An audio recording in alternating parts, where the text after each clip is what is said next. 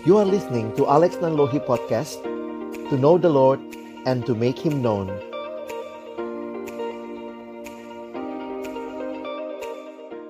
juga merupakan penyampaian makna dari satu kelompok ke kelompok lainnya melalui tanda dan juga simbol yang bisa dipahami bersama.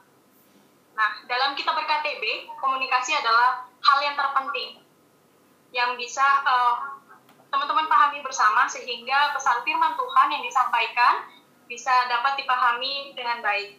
Namun perlu diakui, tidaklah mudah menjadi PKTB yang terampil berkomunikasi. Padahal dengan keterampilan berkomunikasi, uh, diharapkan pesan firman Tuhan itu dapat diberitakan dengan jelas dan terkhusus pada KTB kita yang saat ini sedang memasuki KTB online. Dan juga terkhusus uh, kita saat ini sedang menghadapi generasi Z yang uh, mengharuskan kita untuk bisa mengerti dan juga mengerti tentang teknik berkomunikasi itu. Dan hari ini kita akan sama-sama belajar mengenai teknik berkomunikasi yang akan menolong teman-teman dalam KTB baik seorang PKTB maupun AKTB dan nantinya akan dibawakan oleh Bang Alex. Namun sebelum kita masuk pada materi, saya akan menyampaikan teknis bertanya terlebih dahulu. Jadi rekan-rekan boleh bertanya, nanti akan dikirimkan link oleh panitia dalam grup chat, dan teman-teman boleh bertanya dalam link itu, nanti akan saya pilih beberapa pertanyaan yang menarik. Dan kita akan masuk pada sesi penyampaian materi, namun sebelumnya kita nyanyikan satu pujian. Mari kita berdoa sebelum kita sama-sama akan mengikuti sesi ini. Tuhan terima kasih kesempatan ini Tuhan berikan pada kami kami akan belajar bersama, Tuhan tolong baik hambamu yang menyampaikan, setiap kami yang mendengar, dan juga interaksi di antara kami. Tolonglah kami semua Tuhan, sehingga pada akhirnya kami bukan hanya menerima banyak pemahaman, tetapi juga kami mulai memikirkan bagaimana memberlakukannya di dalam kami secara khusus memimpin atau terlibat di dalam kelompok-kelompok pemuridan. Kami sungguh menyerahkan sesi ini dalam nama Tuhan Yesus kami berdoa, kami bersyukur. Amin. Shalom. Selamat sore teman-teman sekalian. Iya, saat ini kita akan belajar tentang komunikasi dan ini satu hal yang tentunya satu sisi mau dikatakan sulit ya sulit juga gitu ya, tapi juga mudah ya mudah juga begitu ya. Kenapa? Karena ya kita adalah manusia-manusia yang berkomunikasi, ya. Saya coba share screen. Nah, teman-teman, kita akan lihat sama-sama beberapa hal dan saya juga mau mengajak interaksi dengan teman-teman sekalian. Um, yuk kita sama-sama coba melihat kalau ditanya tentang komunikasi, ya, ini nggak usah mikir, nggak usah terlalu dalam pikirin. Teman-teman, saya mau ajak kita sama-sama sharing ya. Sharingnya gampang kok ya. Kalian tolong bisa mau scan barcode bisa atau bisa ketik ya padlet.com slash Alex Nanlohi komunikasi. Nah, buat yang belum pernah pakai Padlet, biasa e, bisa langsung masuk aja, nggak usah sign in dalam arti nggak usah daftar. Teman-teman dengan dengan klik uh, link ini aja juga udah bisa langsung masuk. Nanti Pertanyaannya begini. Saya minta teman-teman coba cari gambar. Gambar apa yang terlintas di benak saudara ketika mendengar kata komunikasi. Ya. Oke. Nanti kalau masuk ke Padletnya ada title. Nah, nanti di titlenya itu tulis namamu sama dari PMK mana, dari kampus mana. Lalu uh, kita mau cari gambar ya, jadi ada dua kemungkinan. Kalian bisa foto menurut kalian apa gambar yang kalian pilih atau kalian bisa search langsung di situ. Lalu nanti teman-teman coba tulis alasannya. Kenapa gambar itu kalau bicara komunikasi itu yang terbayangkan olehmu ya? Oke, silakan saya akan tunggu. Kita akan lihat sama-sama ya. Ada share. Oke, ada itu phone, ada medsos ada orang lagi ngobrol, ada minion. ya, oke, okay. kita lihat aja yang udah lewat ke bawah, saya nggak usah turunin ya. Nanti teman bisa lihat ya. Ini yang udah ada. Oke, okay, it's good thing. Thank you. Silakan, masih ditunggu.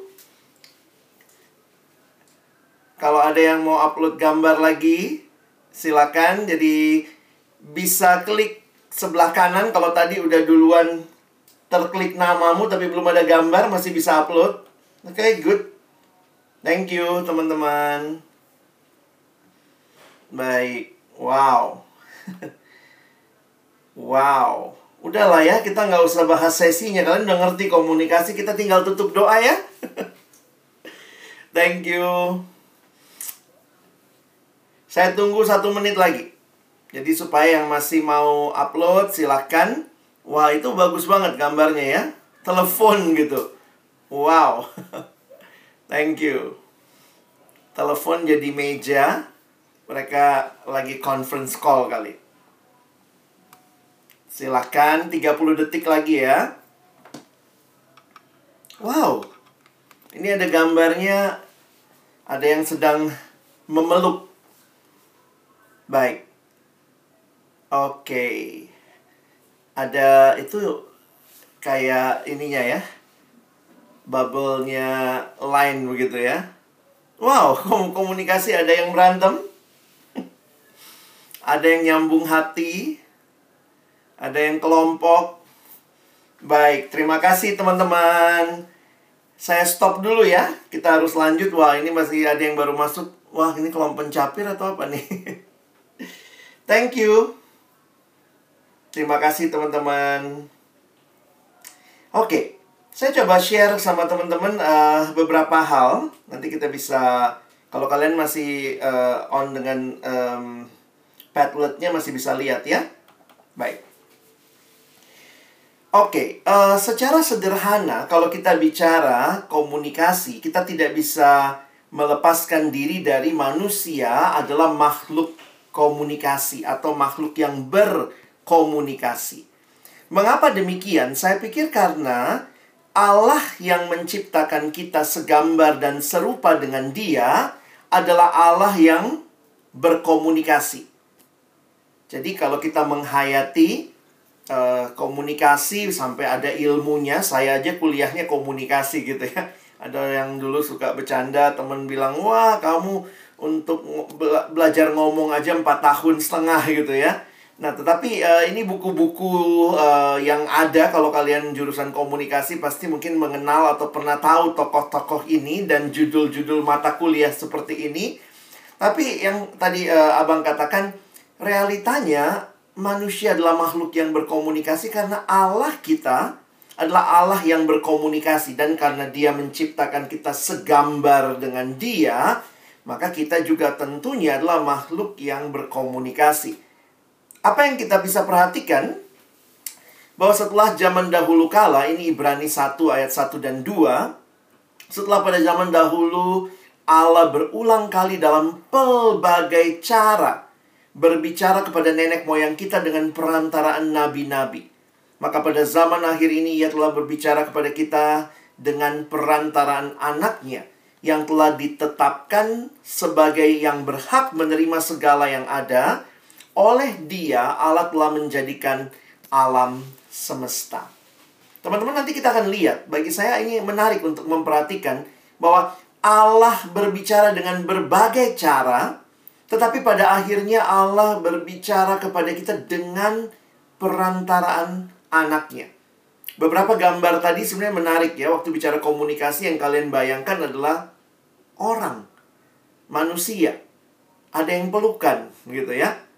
Nah, sebelum kita nanti masuk lebih jauh, kalau kita melihat uh, beberapa saat ini kan kalau kita ikut seminar atau webinar-webinar begitu ya, era digital, maka saya menemukan ada lima soft skill yang harus dimiliki di era digital katanya ya.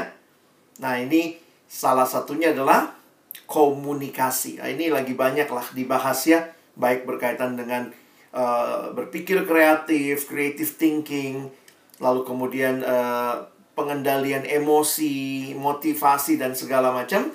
Dan ini menarik ya, bahwa ini bukan hanya sekadar bicara uh, tema dalam kaitan pemuridan, tapi ini juga bicara skill yang dibutuhkan di luar sana. Kalau teman-teman nanti akan hadir di dalam dunia yang semakin digital ini.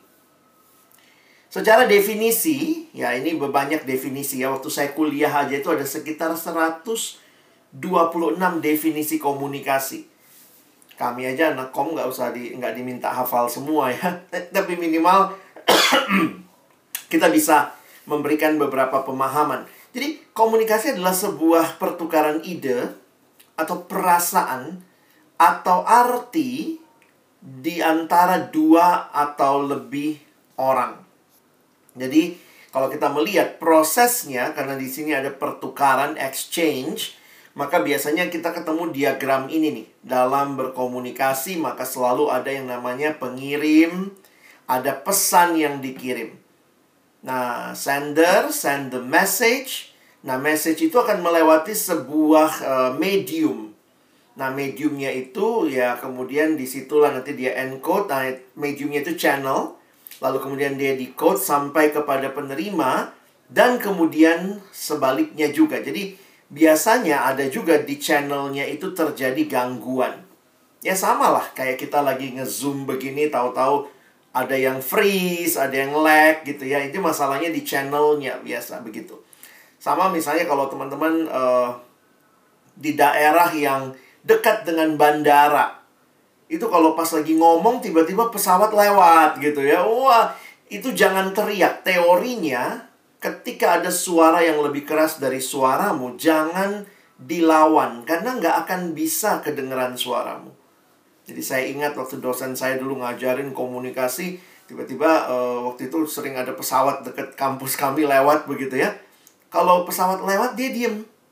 Kita sampai mikir kenapa sih bapak sih udah ngajar aja gitu ya Terus dia bilang ya secara teori nggak mungkin suara saya ngalahin pesawat kira-kira begitu ya. Nah jadi di sini menolong kita melihat bahwa ada proses, ada pesan yang dikirim, ada pesan yang diterima, ada kemudian feedback yang diberikan. Nah tapi yang menarik uh, abang ingin ajak karena kita mau bicara dalam konteks KTB, dalam konteks pemuridan, maka perhatikan begini. Ternyata di dalam konteks ini, tujuan kita berkomunikasi kepada lawan bicara adalah dua hal. Pertama, untuk menyampaikan pesan. Ya, kita ngirim pesan untuk diterima dan dalam hal ini karena kita KTB ya kita menyampaikannya firman Tuhan. Tetapi bagi saya yang menarik adalah yang kedua. Nah, ini yang kurang dibahas di banyak buku karena ini sangat personal sifatnya ini juga tujuan komunikasi adalah menjalin hubungan sosial. Social relationship.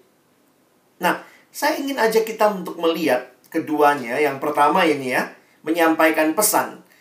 Sorry, itu kurang hurufnya. Dalam penyampaian pesan tersebut biasanya digunakan bahasa verbal baik lisan ataupun tulisan. Jadi dalam penghayatan bahasa verbal itu baik bahasa lisan atau tulisan itu disebut bahasa verbal atau non-verbal, bahasa isyarat yang tentunya dipahami oleh kedua belah pihak pembicara dan lawan bicara. Nah, memang di sini kita akan melihat pe, apa ya pemahaman umum, pengetahuan yang sama atau bahasa yang sama akan menolong orang lebih nyambung. Jadi bisa bayangkan kalau bahasa verbalnya beda, satu bahasa Inggris misalnya, yang satu menggunakan bahasa Indonesia dan tidak saling mengerti ya, tentu sulit. Dan itu bukan hanya bahasa verbal teman-teman ya, yang lisan tulisan, tetapi bahasa nonverbal. Di beberapa budaya tuh bahasa nonverbalnya beda-beda. Buat kita tuh hormat ada yang seperti ini misalnya. Ini hormat di bahasa nonverbal orang-orang, ya siap komandan begitu ya tetapi di beberapa negara misalnya bahasa nonverbalnya siapnya begini nih. Wah ya dengan segenap hati begitu. Jadi itu tergantung bagaimana kesepakatan. Makanya di dalam di dalam berkomunikasi ter, ternyata ada hal-hal yang harus tanda kutip digunakan bersama untuk menjamin proses komunikasi berlangsung dengan baik. Saya ingat ada seorang teman waktu dia masuk ke PMK, ke Persekutuan Mahasiswa. Paling sulit buat orang-orang yang baru masuk PMK itu adalah apa? Hafal singkatan di PMK. Iya, kita mau PA nih. Iya, nanti ada KTB. Jam berapa PJ-nya? Nanti kemudian gimana kakaknya gitu ya? Eh, kamu udah udah CO belum gitu ya? Nah, itu semua adalah bahasa-bahasa yang dimengerti oleh pengguna yang sama. Jadi makanya hati-hati dengan kalau ada orang baru masuk di komunitas kita dan kita menggunakan bahasa yang kita udah biasa, dia kan bingung begitu. Termasuk bahasa-bahasa yang Kristiani.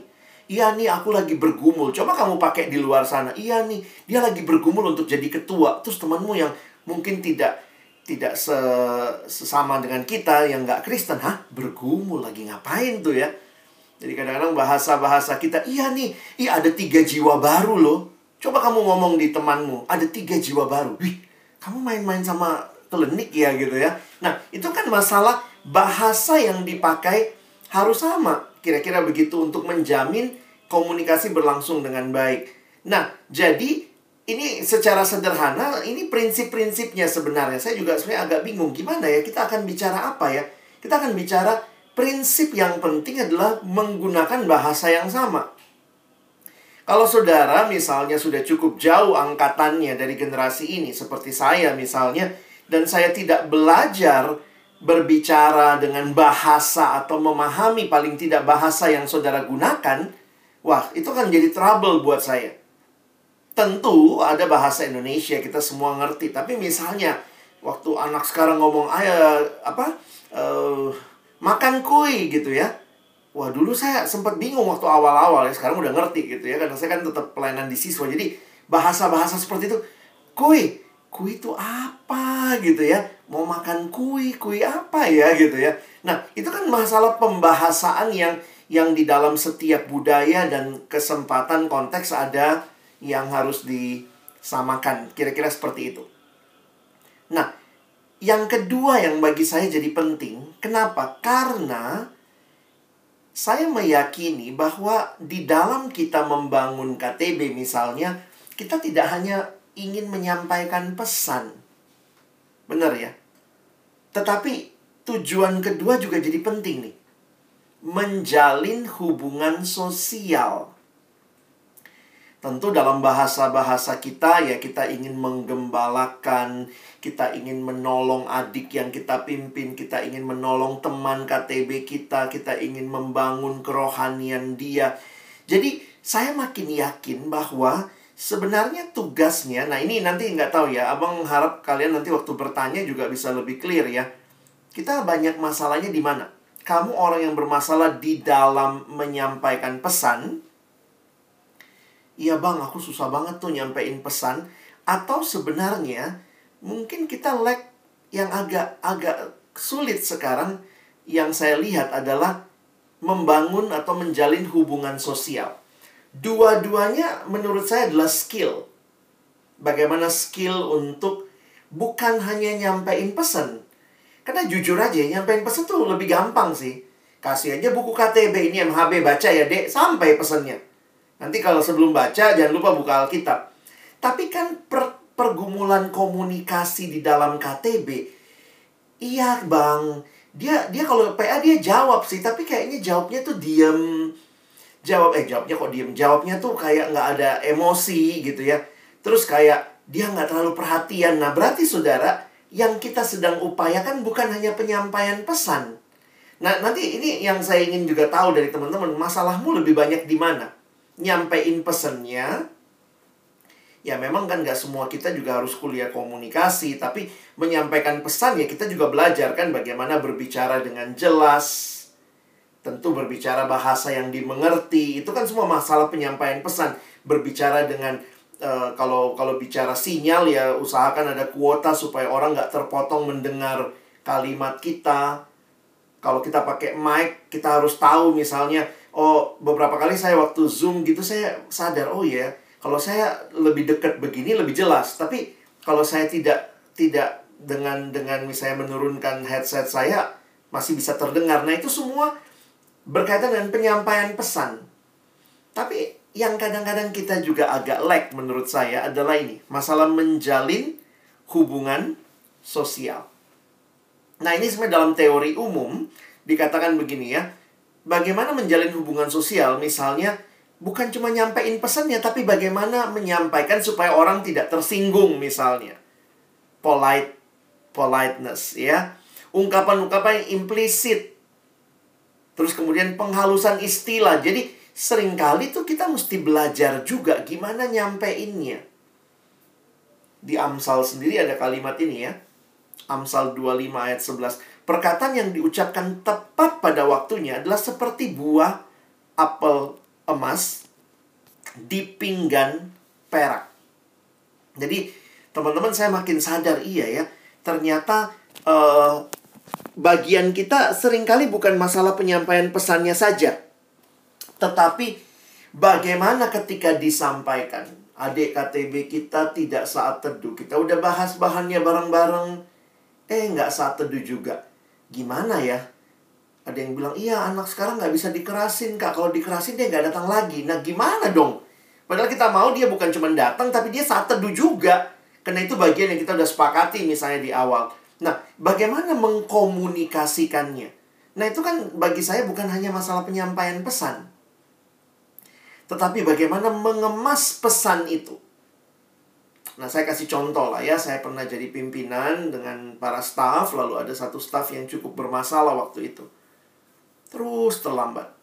Jadi kita punya kesepakatan masuk kantor jam sekian, dia selalu aja terlambat. Bisa terlambat satu jam, satu setengah jam begitu ya. Sehingga dia miss hal-hal yang kita harus lakukan bersama sejak pagi misalnya. Nah itu saya bingung tuh teman-teman ya. Kan sebenarnya sebagai pimpinan saya panggil aja. Saya nggak mau kamu begini lagi ya. Tapi apakah itu menolong dia? Terus kemudian akhirnya saya panggil dia. Wah saya udah coba berbagai cara ya wah berbagai cara tuh kayak nggak ada perubahan juga. Terus saya juga nggak mau lah jadi pemimpin yang dikeselin orang gitu ya. Jadi kadang-kadang, aduh gimana ya. Saya sendiri merasa kok saya jadi baik banget sama dia. Tapi kemudian dia nggak berubah-berubah juga gitu. Sampai akhirnya saya harus menemukan cara. Dan ini ini seni teman-teman ya. Komunikasi itu kadang bicara seni bukan hanya sekadar bicara teori. Seni itu berarti ada hikmat di situ, ada konteks dan dan tentunya ada pesan ya. Nah, mengemas itu dan akhirnya waktu itu saya lihat kok nggak berubah-berubah, tapi Tuhan kasih hikmat. Saya sih meyakini itu dari Tuhan ya. Saya ingat waktu itu saya saat teduh, lalu kemudian dalam saat teduh itu uh, ada kalimat hendaklah yang seorang menganggap yang lain lebih utama. Itu Filipi pasal 2. Teman-teman, ayat itu mewarnai pemikiran saya dan kemudian dari situ saya panggil dia. Karena selama ini kalau saya panggil dia, saya selalu poinnya adalah kamu salah. Kamu harus tahu kamu salah. Jadi kayaknya tanpa saya sadari, saya tuh seneng banget kalau dia merasa bersalah lalu dia berubah. Tetapi ternyata tidak terjadi perubahan. Dia juga kayaknya nggak terlalu sadar dia salah. Dan akhirnya ayat itu menolong saya untuk lebih positif ya. Positifnya begini sebenarnya kamu mau nggak Lex dia berubah? Iya sih saya mau dia berubah. Saya juga sedih ya dia tertekan terus karena setiap kali saya panggil ke ruangan saya bilang kamu nggak boleh terlambat ya. Kamu inget ya gitu. Itu terus gitu ya. Tuhan kasih hikmat untuk yuk coba bicara lebih lebih positif kepada dia dari dari terang ayat itu ya. Akhirnya saya bilang gini. Dek, aku tahu kamu sudah berjuang selama ini. Boleh nggak uh, Kak Alex ya saya panggil diri saya gitu ya boleh nggak Kak Alex tolong kamu untuk bisa tidak telat apa yang bisa saya lakukan jadi ketimbang saya hanya menuntut dia yang saya tahu juga dia sebenarnya sudah berjuang ya tapi memang rumahnya jauh dan kadang-kadang anaknya nggak nggak disiplin. Akhirnya saya bilang boleh nggak saya nolong kamu supaya kamu tidak telat? Jadi saya menghargai perjuangannya. Saya menawarkan bantuan ketimbang saya menyalahkan. Dan ternyata itu cara yang Tuhan pakai ya. Nggak nggak belum tentu semua sama ya. Tapi cara itu membuat dia jadi tanda kutip mungkin malu. Tetapi dari malunya itu jadi uh, saya bilang kalau saya harus telepon kamu setiap pagi supaya kamu datang tidak terlambat saya akan lakukan saya saya tulus nih ya mau nolong kamu gitu nah teman-teman ini kan masalahnya Pesannya mah gampang, saya mau kamu nggak telat. Tapi menyampaikannya dengan hikmat. Nah itu Abang susah juga ya kalau mau diajarin teorinya itu adalah teori kedekatanmu dengan Tuhan, bagaimana Tuhan menolong kamu punya pesan, punya konteks, bisa lihat orangnya dan Tuhan kasih hikmat dalam situasi dan kondisi seperti itu. Nah, jadi saya kembali lagi ingin mengajak kita melihat begini bahwa komunikasi di dalam pelayanan yang di dalamnya kita mau untuk membangun orang lain khususnya dalam konteks pemuridan itu membutuhkan ya tanda kutip ya kamu pahami pesannya tapi juga kamu butuh kebergantungan kepada Tuhan dan hikmat untuk bisa menyampaikan dengan tepat. Dan itu memang bisa dilatih, saya yakin ya bisa dilatih. Misalnya teman teman-teman saya jadi berhenti menghakimi ya. Kadang-kadang kita gampang sekali begitu lihat sesuatu tidak sesuai dengan apa yang kita harapkan, maka yang muncul itu itu natural sekali penghakiman. Sehingga bagi saya ketika firman Tuhan itu mengajar, saya nikmati banget tuh. Segala tulisan yang diilhamkan Allah memang bermanfaat untuk mengajar, menyatakan kesalahan, memperbaiki kelakuan dan mendidik orang dalam kebenaran. Dan saya banyak ditolong tuh. Ketika saat teduh ya yang tadi Abang cerita, saya saat teduh dari situ kayak coba coba lihat nih gimana kamu menganggap yang lain lebih utama ternyata selama ini saya cuma seneng aja bahwa uh, saya pimpinan saya bisa marah-marahin dia gitu tapi gimana kamu menganggap dia lebih utama dan kamu mau membangun dia itu tuh Tuhan kasih hati seperti itu tuh sehingga saya pikirin berbagai cara nah abang jadi mengerti gini ya kadang-kadang kita butuh hatinya seperti Kristus untuk kemudian kita pikirin yang kedua caranya. Jadi pernah lihat gini nggak?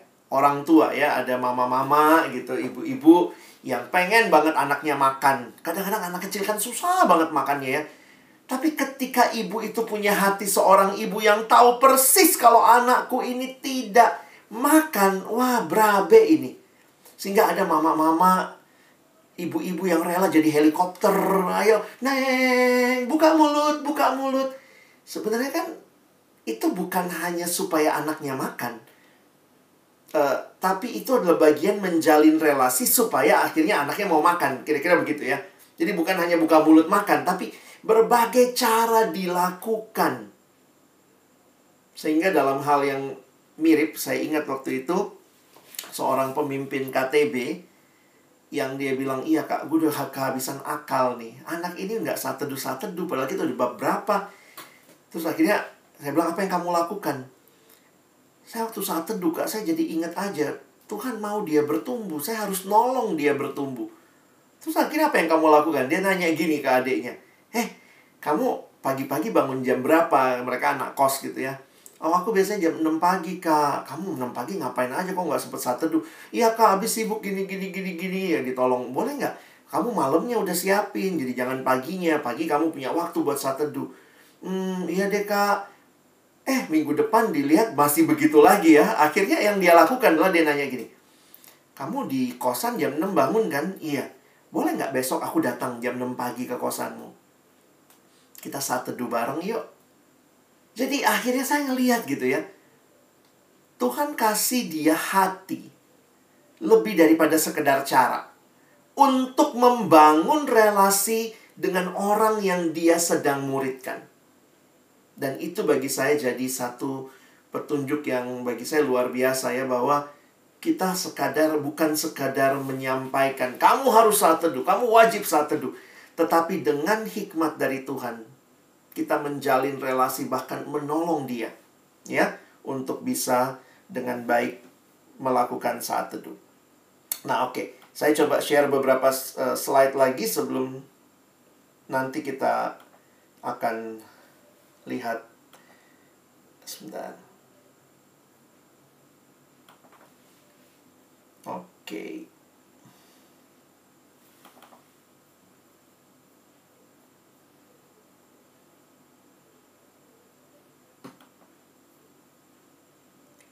Uh, belum kelihatan ya? Belum ya? Sebentar teman-teman ya. Slide-nya tertutup di saya. Nah, Saya ingin nanti masuk bagian berikutnya sebenarnya untuk mengajak kita mengenal generasi ini. Tentunya uh, seperti yang Abang bilang kemarin ya, teman-teman sudah tahu banyak lah tentang generasi ini. Tapi yang saya coba pahami belakangan ini bagaimana pengenalan yang baik akan generasi itu akan menolong sebenarnya. Apa yang ditolong termasuk komunikasinya. Sebentar.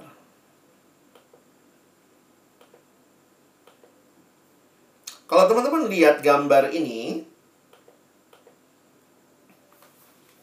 di dalam komunikasi sebenarnya kita semua kita punya yang namanya frame of reference.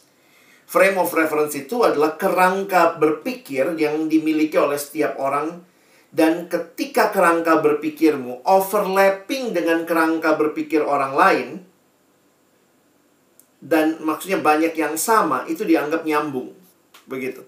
Kenapa saya dengan orang ini lebih nyambung dengan dibanding dengan orang yang lain? Kalau gambar seperti ini, Siapa yang lebih dominan? Udah jelas, lihat aja warnanya. Yang hijau akan lebih dominan dan yang merah atau yang orange ini akan lebih less dalam komunikasi akan dikuasai, didominasi oleh yang sebelah kanan. Nah, tapi coba lihat ya. Ke, kalau dua orang ini dengan frame of reference yang lebih banyak overlapping, jadi kalau overlappingnya kecil atau misalnya kayak nggak nggak nyambung ya ini namanya nggak nyambung. Tapi kalau makin dalam overlappingnya itu dianggap makin nyambung. Dan bagaimana overlapping itu ya tergantung tadi ya kita pakai bahasa yang sama, konteks yang sama. Makanya begini deh, dengan teman di jurusanmu pasti kamu lebih nyambung waktu bicara hal tertentu dibanding sama orang tuamu. Dengan orang tuamu, kamu pasti akan lebih nyambung bahas hal tertentu tentang rumah dibanding dengan teman kuliahmu. Jadi memang akhirnya di dalam kita membangun komunikasi ya tergantung sekali kepada frame of reference.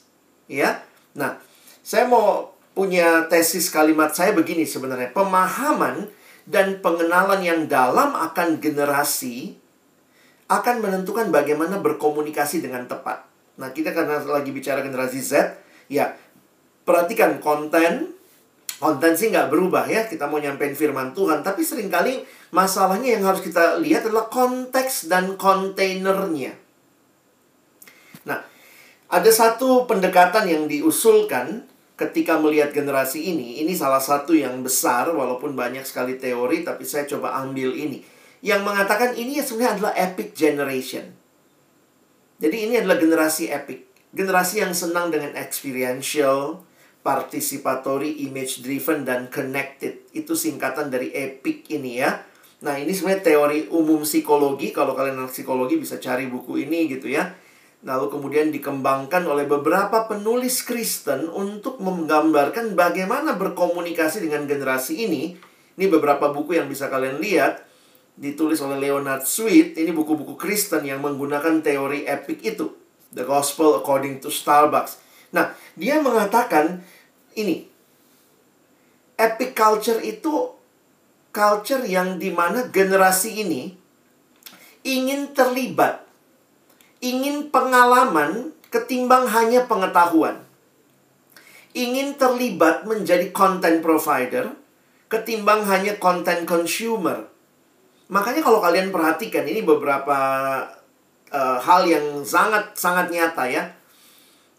Uh, yang diharapkan bukan hanya pengetahuannya, tetapi pengalamannya. Nah, perhatikan iklan. Nah, saya anak komunikasi ya. Kalau perhatikan iklan kira-kira 20 tahun lalu, waktu saya masih ya lebih muda begitu ya. 20 tahun yang lalu, kalau generasi yang disasar adalah misalnya milenial atau Gen X gitu ya. Kalau lihat iklan, kita tuh pengen tahu apanya pengetahuannya. Ini komposisi susunya berapa proteinnya. Makanya kalau kalian lihat iklan zaman dulu, itu yang ditampilkan adalah ini sekian persen proteinnya, ini sekian ininya. Jadi kadang-kadang yang ditulis di dalamnya ingredientsnya. Tapi generasi bawah ini, yang generasi kalian, itu biasanya iklan itu bercerita. Jadi kadang-kadang kita sampai bingung, ini iklan susu kok gak ada hubungannya sama susu gitu ya. Tapi cerita bagaimana perjalanan. Jadi experience yang dikasih. Nah sekarang kalau nonton TV saya bisa lihat nih, ini kalau target audiensnya misalnya susu tertentu untuk orang tua, itu masih pakai pendekatan orang tua yang pengen tahu apa komposisinya. Sementara kalau itu adalah iklan untuk anak muda, yang digambarkan adalah pengalamannya. Itu saja membuat kita jadi sadar. Saya harap sambil saya jelasin ini, teman-teman reflect ya cara komunikasi kita saya harus jujur mengatakan bahan-bahan kelompok kecil kita itu bahan produk modern yang lalu yang kurang epic. Bahan PA kita tuh banyakkan teori pertanyaannya adalah pertanyaan pengetahuan. Dari ayat sekian, apa apa ya siapa yang berjalan di atas air? Yesus. Itu sebenarnya jujur aja. Anak sekarang tuh lebih butuh pertanyaan yang begini. Kalau saja, kalau Yesus saja bisa berjalan di atas air, ketika engkau percaya pada Yesus yang bisa berjalan di atas air, apa yang kamu rasakan? Kira-kira begitu. Nangkap ya maksud saya? Bukan pertanyaan tentang pengetahuan, dia udah bisa baca kok di situ. Siapa yang berjalan di atas air? Kadang-kadang pertanyaan PA kita kayak, siapa berjalan di atas air? Yesus. Sudah, selesai diskusi.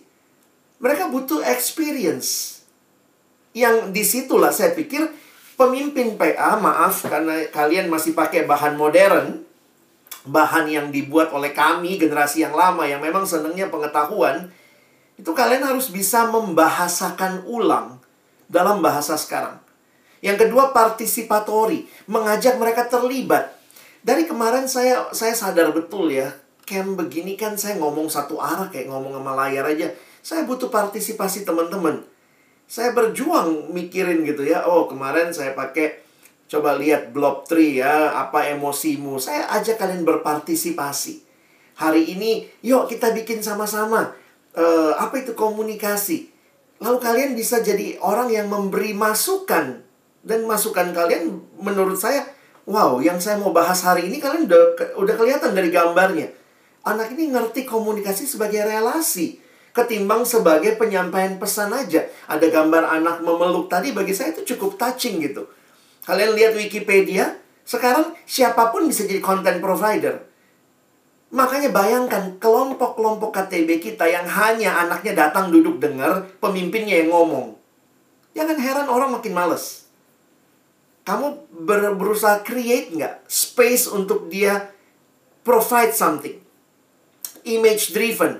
Ini generasi yang suka dengan image. Makanya tadi misalnya abang bilang, coba kalian dengan gambar begitu ya coba misalnya dengan cerita itu bagian-bagian yang eh, buku-buku uh, yang disukai anak sekarang itu bukan cuma pengetahuan ya tetapi ada gambarnya ada ada ilustrasinya. Dan terakhir adalah connected. Dia individu tapi dia dalam komunitas. Nah ini menarik nih ya. Dan apa yang saya harus katakan semua ini dibaca sama siapa teman-teman?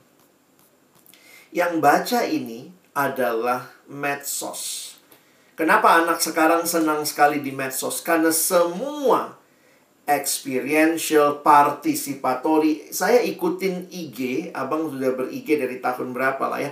Saya ikutin IG dari awalnya cuma posting foto, terus kemudian bisa di-like, habis bisa di-like, jadi minta partisipasi orang, lalu bisa di-share, terus kemudian IG bikin story yang cuma dilihat sebentar, karena mereka nggak mau terlalu lama kelihatan, lalu kemudian makin banyak stiker lalu kemudian connected itu itu IG kamu tapi kamu bisa tag orang dalam komunitas sehingga nanti satu aja yang foto ya jangan lupa tag aku ya itu semua gambaran-gambaran yang yang bagi saya yang sangat membaca generasi ini untuk bisa berkomunikasi dengan mereka adalah medsos.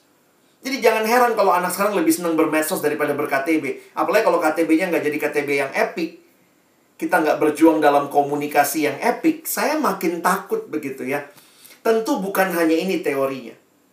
Di balik ini bagi saya yang sangat penting, apakah kamu dapat hati yang mengasihi sehingga komunikasi yang lahir bukan hanya penyampaian pesan, tapi membangun relasi dan itu kamu coba terus supaya kamu bisa relate dengan generasi ini.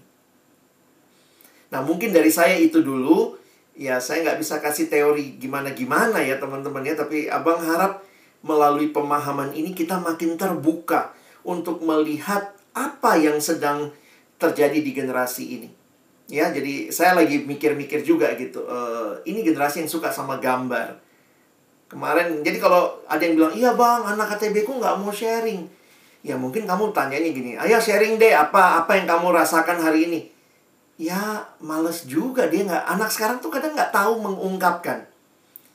Tapi begitu dikasih emoticon, coba pilih emoji mana yang paling menggambarkan kamu. Gampang sekali, semua bisa bersuara. Ini generasi emoticon. Jadi kalau mereka diem, jangan bilang mereka nggak punya perasaan, mereka pasif. Jangan-jangan kita kurang bisa menggerakkan mereka untuk bersuara. Saya udah buktikan lah ya dalam banyak eh, kesempatan.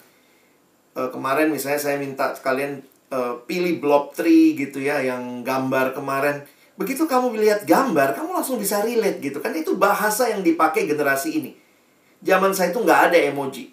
Sekarang lihat aja, Zoom aja ada emoji. Bahkan makin banyak emojinya. Kenapa? Dia baca generasimu. Dan dia lihat bahwa ini yang dibutuhkan anak sekarang. Yang suka pakai emoji-emoji itu anak muda. Orang tua mah ya emojinya paling doa udah mau mati gitu ya. Oh, tangan tertutup gitu ya. Nah, poin saya adalah kita lagi melayani generasi apa nih? Nah, mungkin ah itu dulu. Sorry, banyak sekali di kepala tapi ya mungkin itu yang saya boleh sampaikan terlebih dahulu. Thank you. Ya, baik. Terima kasih untuk Bang Alex. Uh, dari rekan-rekan, apakah ada yang mau ditanyakan mengenai materi teknik berkomunikasi yang telah disampaikan dari Bang Alex? Dan juga mengingat uh, yang saat ini sedang kita layani, gitu. Jadi uh, anak-anak uh, yang berada di generasi Z, jadi anak-anak yang udah mengerti akan sosial media yang mereka malah mengekspresikan segala sesuatunya itu lewat sosial media dan juga uh, mungkin ada rekan-rekan yang butuh ataupun ada yang mau ditanyakan yang belum jelas teman-teman boleh uh, open mic. Saya persilahkan kepada rekan-rekan ada 104 orang nih partisipasi dalam grup ini. Apakah ada?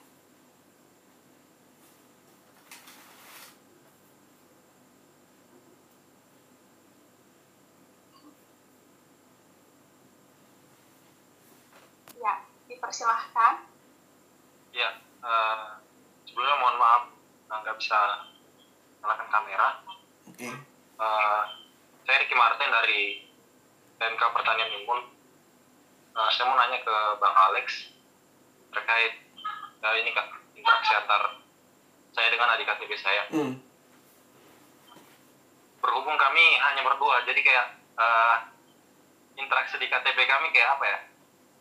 jadi kayak terkesan tanya jawab tanya jawab seperti itu kan iya nah, uh, mungkin ada tips dari kakak terkait uh, metode apa yang bagus gitu nah uh, saya lakukan terhadap adik adik KTB saya supaya uh, KTB ini berjalan nggak nggak flat gitu nah iya.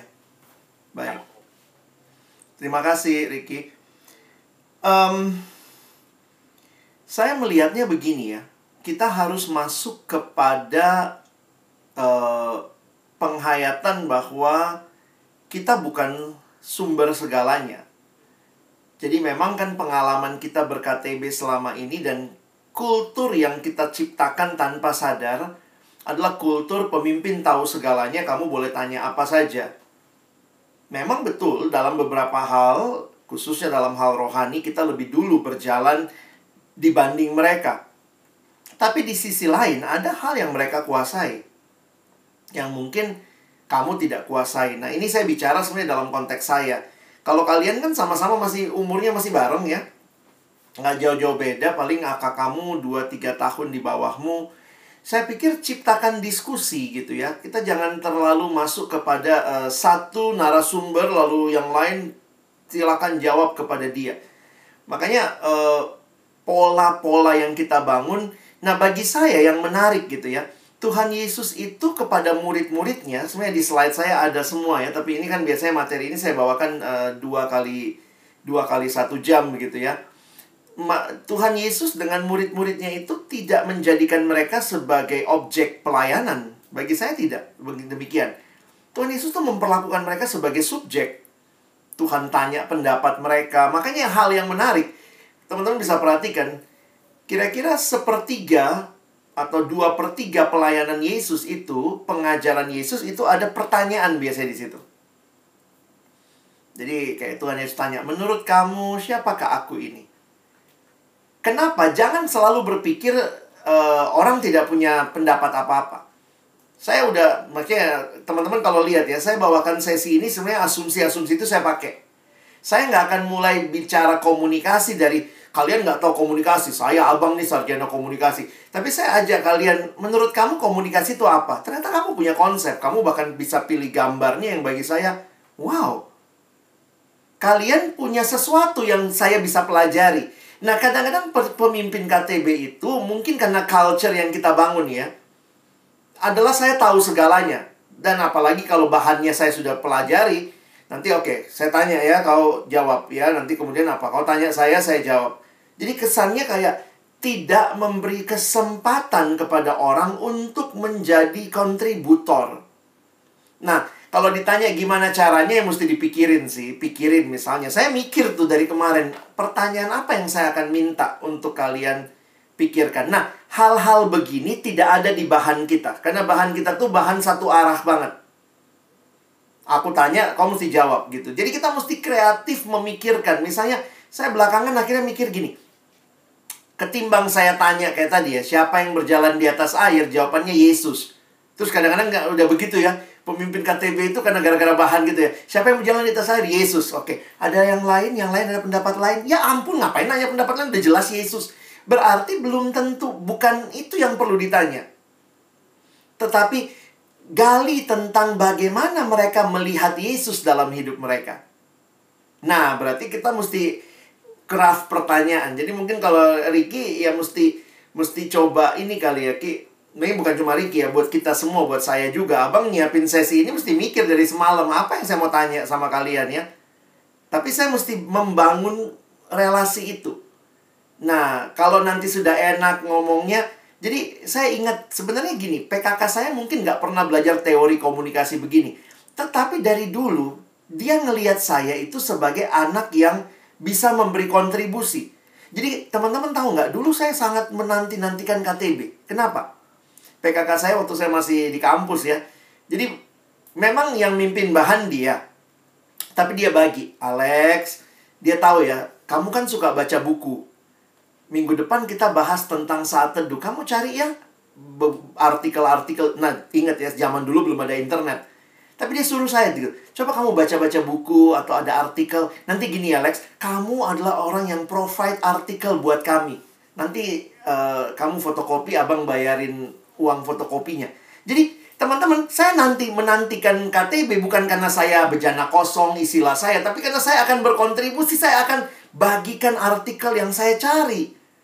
Teman saya yang satu lagi, kamu bagian doa ya. Jadi dia akan cari pokok doa dari fakultas lain gitu ya karena waktu itu jadi PKK saya itu menempatkan kami bukan sebagai anggota yang datang saja, tetapi sebagai anggota yang berkontribusi. Nah, saya udah alami itu dari sejak saya mahasiswa.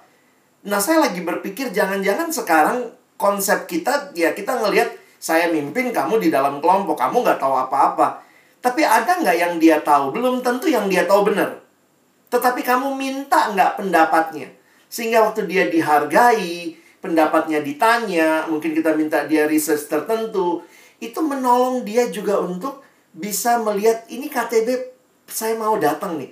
Karena saya juga diajak ngobrol, saya diajak untuk memberi kontribusi. Bukan cuman kamu masih anak baru, kamu petobat baru, nggak tahu apa-apa, maka terimalah semua kebenaran ini. Saya takutnya kita, jadi ini bukan masalah teknik saja. Jangan-jangan mentalitas kita melihat orang yang kita layani pun belum benar gitu ya, belum belum melihat mereka sebagaimana sebenarnya Tuhan Yesus sendiri beri teladan dan ini ini generasi ini masalah generasi ya jangan-jangan generasi ini makin gak suka ke pelayanan karena semua satu arah. Kira-kira begitu. Uh, saya uh, kembali bertanya kak. Gimana? Uh, apakah apakah ibaratnya sebuah keterbukaan dan uh, interaksi yang baik, uh, misal uh, saya bertanya dan adik saya ber, uh, menjawab dan Nah, itu ada interaksi antara tanya jawab seperti yang kakak bilang tadi, tapi diiringi dengan sebuah keterbukaan. Apakah uh, hal itu sudah dikatakan mungkin sebuah kelompok yang baik gitu? Iya. Kalau saya sih melihatnya begitu ya. Semua kelompok itu ada tahapannya. Jadi misalnya kalau baru ketemu seminggu ya mungkin masih banyakkan kita yang ngomong karena adiknya juga bingung ini apaan sih?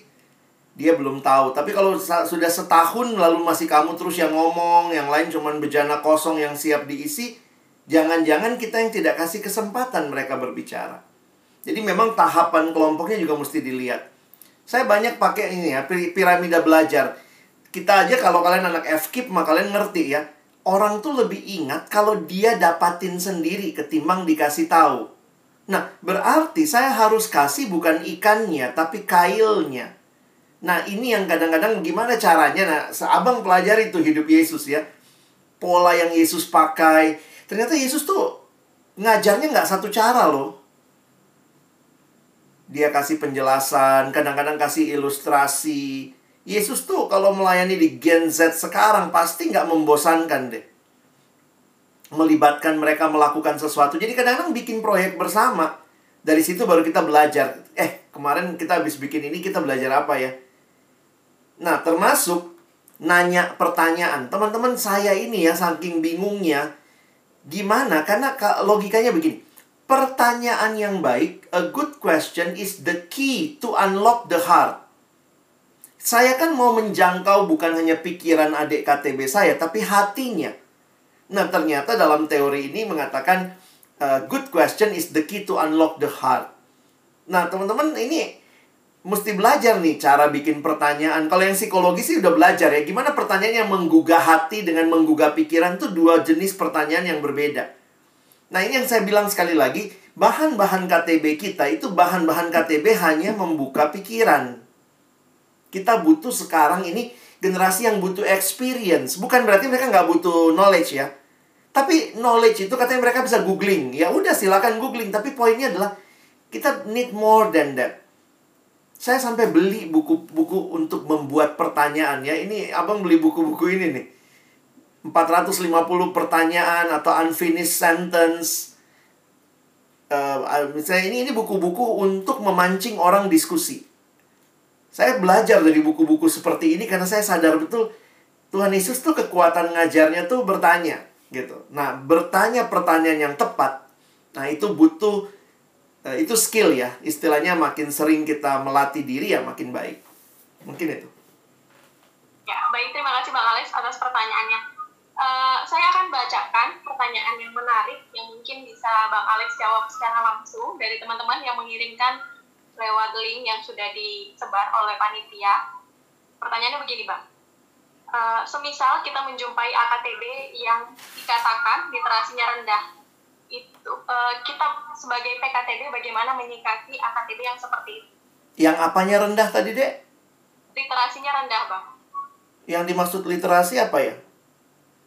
Uh, berarti AKTB-nya ini nggak bisa baca ya? gitu? yang mungkin malas membaca rendah rendah untuk bagian uh, hal membaca bagian berarti dia hanya mau menerima menerima dari PKTB-nya saja seperti itu itu sih bang oke okay. Nah, ini ini Abang belakangan ini banyak juga menghayati gambaran yang Paulus pakai di Alkitab. Jadi, apa gambaranmu tentang pemimpin KTB dan anak KTB? Saya menghayati belakangan adalah gambaran orang tua dan anak ya. Itu kan ada di dalam 1 Tesalonika pasal 2. Bagi saya ini menarik gambaran ini. Seringkali kita tuh uh, bayangkan kalau kamu orang tua, lalu kamu yang punya anak lalu ada pertanyaan tadi, bagaimana mengatasi anakmu yang literasinya rendah? Ya kalau saya menghayatinya jadi orang tua, ya tetap aja mengasihi dia gitu memang ya tanpa kita sadari karena KTB kita ini tersistem, terstruktur, pakai bahan, ada kurikulum. Kita tuh kayak tanpa sadar ngejar kurikulum. Itu itu ya kita nggak bisa tutup mata lah. Apalagi di kampus kan sebentar gitu ya. Sehingga kita lebih sibuk untuk gimana supaya dia bisa, gimana supaya dia bisa gitu. Saya belakangan ada satu kutipan kali ya yang yang menggugah hati saya Mudah-mudahan ini juga menolong teman-teman melihat sisi yang lain ya dalam KTB kita yang sudah sangat tersistem. Sebenarnya pelayanan KTB itu adalah berjalan bersama. Dan dalam perjalanan bersama, tidak semua orang pertumbuhannya sama. Kita sih maunya semua pertumbuhannya sama. Pengen sih dapat anak KTB yang tahun ini dipimpin, tahun depan udah mimpin, lalu kemudian kita bisa bangga, uh anak gua tuh, itu adikku tuh, gitu ya. Tapi kemudian Tuhan izinkan kita ketemu orang yang sulit, lalu kemudian kita lihat, ih anaknya, anak kelompok kecilnya si Anu udah mimpin, anak gua kak, tujuh orang gak ada yang mimpin gitu ya. Emang kenapa juga? Gak apa-apa juga. Kita tertekan sama hal-hal seperti itu. Tentu kemarin abang bilang multiplikasi, benar. Tapi kan tidak semuanya dalam kondisi yang sama. Nah, kalimat ini bagi saya menarik sekali untuk saya pikirkan lebih dalam. Sebenarnya ini kalimat untuk guru ya. Ini mungkin pertanyaanmu dengan kalimat literasinya rendah. Dia nggak responsif. Agak-agak dodol gitu ya. Udah datang nggak nggak berubah-berubah gitu ya. Tapi dia masih mau datang. Bagi saya kalau dia masih mau datang, nah kalimat ini bisa berlaku. If some students are unresponsive, maybe you can teach them yet. Kamu belum bisa ngajarin mereka. But you can love them. And if you love them today, maybe you can teach them tomorrow. Jangan sampai mimpin KTB di otak kita cuma pokoknya dia selesai bahan, pokoknya dia harus selesai yang membuat kita tanpa sadar kehilangan kasih yang mendalam ketika dia tidak merespon seperti yang kita harapkan. Kalau itu yang terjadi, sebenarnya kita sudah terjebak dengan pemuridan sebagai program, bukan sebagai sebuah perjalanan rohani. Sorry, saya mungkin nggak menjawab pertanyaannya, tapi saya kasih prinsipnya di balik kalian yang masih komplain anak, gue nggak responsif Terus doain, terus kasihi, terus ajarin. Kalau belum bisa diajarin, kasihi dulu, kasihi, kasihi, kasihi. Sampai kapan, Kak? Tuhan akan menolong kamu untuk lihat sampai batas mana untuk setiap anak bisa beda-beda.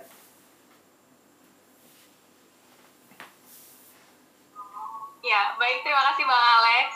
Mungkin satu pertanyaan terakhir akan ya. menutup uh, pertemuan kita pada sesi ini.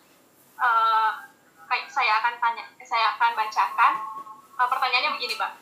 Tips dan trik bicara supaya nggak belibet dan supaya efisiensi waktu dan juga kena sasaran apa yang ingin disampaikan. Iya. Mungkin KTB online kayak gitu. Oke okay, ya. Nah, ini kapan-kapan kalau nanti besok saya akan bicara sedikit lagi tentang KTB online ya. Besok sesinya tentang itu. Poin saya begini. Semua hal harus dilatih. Jangan bilang, wah aku memang pinter ngomong, ah kekuatanku di mulut gitu ya. Gue waktu lahir mulutnya duluan bang, makanya jago ngomong. Tidak ada dari kita yang terlalu jago. Jadi poin saya adalah latihan lah. Nah memang dalam penyampaian pesan, ini sekali lagi ya. Paling penting kita punya message apa yang mau disampaikan. Saya tahu nih, saya harus nyampein rajin saat teduh. Nah, bagaimana menyampaikannya, konteksnya, Bagaimana supaya dia sadar sendiri, tidak hanya karena kita kasih tahu. Nah, itu kan mesti dipikirin caranya. Mungkin kita mesti melatih. Saya waktu awal-awal juga bukan komunikator yang baik. Saya saya bukan orang yang suka dengan nanya-nanya hidup orang. Itu pergumulan besar saya. Kenapa? Karena sebenarnya saya juga nggak suka ditanyain. Tapi waktu saya masuk kelompok kecil, KTB, lalu dibilang kita harus membuka diri. Waduh, it's a big problem for me saya belajar pertama-tama buka diri. Nah, waktu saya mimpin, saya mesti mulai bertanya. Nah, teman-teman tahu, di zaman dulu kan kita teleponnya pakai telepon umum ya. Saya mahasiswa, adik-adik saya di rumahnya, mereka anak Jakarta ya, saya anak kosan. Saya telepon mereka, teman-teman saya sampai bikin pertanyaan tuh. Saya list pertanyaan apa yang saya mau tanya sama mereka. Karena saya sadar betul ya, nggak gampang berkomunikasi. Nah, karena itu, gimana supaya nggak beribet, Bang? Ya coba, kamu mau nyampein message apa? Kamu coba pikirkan beberapa langkahnya, beberapa kalimatnya. Coba belajar menyampaikan latihan, mungkin kira-kira gitu ya. Nah, itu semua sebenarnya butuh keterampilan itu membutuhkan latihan. Kunci keterampilan itu ada tiga. Ya, pertama latihan, kedua latihan, ketiga latihan kamu nggak ngelatih, mungkin skillnya ada tapi berkurang. Sama kayak naik sepeda lah. Bisa naik sepeda bisa bang, tapi kamu udah berapa lama nggak naik sepeda? Begitu naik lagi pasti awalnya agak kagok. Tapi kalau udah 2-3 jam, ah, mulai biasa lagi. Nah, bagi saya komunikasi pun harus dilatih. Nah, kadang-kadang itu belajar melatihnya itu misalnya bacalah kalau kamu suka ngomongnya beribet, baca Alkitab bersuara. Nah, dari situ kamu bisa lihat nih. Ih, gila. Waktu aku baca kok lompat empat kata ya. Nah, itu tuh. Berarti kamu mesti mulai membaca, baca dengan bersuara itu dilatih gitu ya. Nanti sesudah itu terjadi nanti latih ekspresi gimana waktu ngomong. Jangan-jangan waktu kamu ngomong anak adik KTP gitu. Rahin satu ya. Serem amat gitu ya lihat mukamu gitu ya. Ini kan non verbal, ini non verbal ya. Tapi mungkin di situ nanti kita bisa melatih. Nah, itu semua sebenarnya butuh waktu dan proses. Tapi saya harus ingatkan, itu tidak dimulai dari wajah, dari luar. Itu selalu harus dimulai dari hati. Komunikasi yang berhasil bukan karena engkau latihan di luarnya saja, tapi lahir dari ketulusan hati yang memang rindu membangun hidup adik-adik, teman-teman yang Tuhan percayakan bagimu. Tuhan, terima kasih banyak. Kesempatan ini Engkau tolong kami juga untuk belajar bersama dan juga untuk dibangun bersama. Kiranya apa yang kami terima boleh menolong kami untuk hidup di dalam Engkau dan melayani dengan baik di dalammu. Kami bersyukur untuk sesi ini. Tolong waktu selanjutnya dalam nama Yesus kami berdoa. Amin. Teman-teman, bolehkah saya minta respon seperti biasa supaya sebelum kita tutup eh, nggak uh, apa-apa nanti responnya bisa tetap saya buka. Jadi kalian bisa lihat. Silahkan nanti di Padlet teman-teman di akhir ini uh, silakan tulis hal apa yang kamu pelajari, what you learn, tapi mungkin juga ada hal yang kamu harus unlearn. Nah, nanti teman-teman saya harap di Padlet ini slash com learn teman-teman nanti bisa tuliskan. Jadi walaupun nanti sesinya berakhir, saya tetap berharap kita nanti bisa lihat ya hal-hal apa yang setelah dengar sesi ini kalian learn something atau kalian justru berkata Tuhan ini harus saya unlearn. Oke? Okay? Saya harapkan uh, ininya ya partisipasinya supaya ini juga boleh menjadi pembelajaran bagi kita sekalian. Jadi nanti di Padletnya kira-kira akan tampilannya kalian bisa lihat seperti ini ya. Thank you, Tuhan memberkati.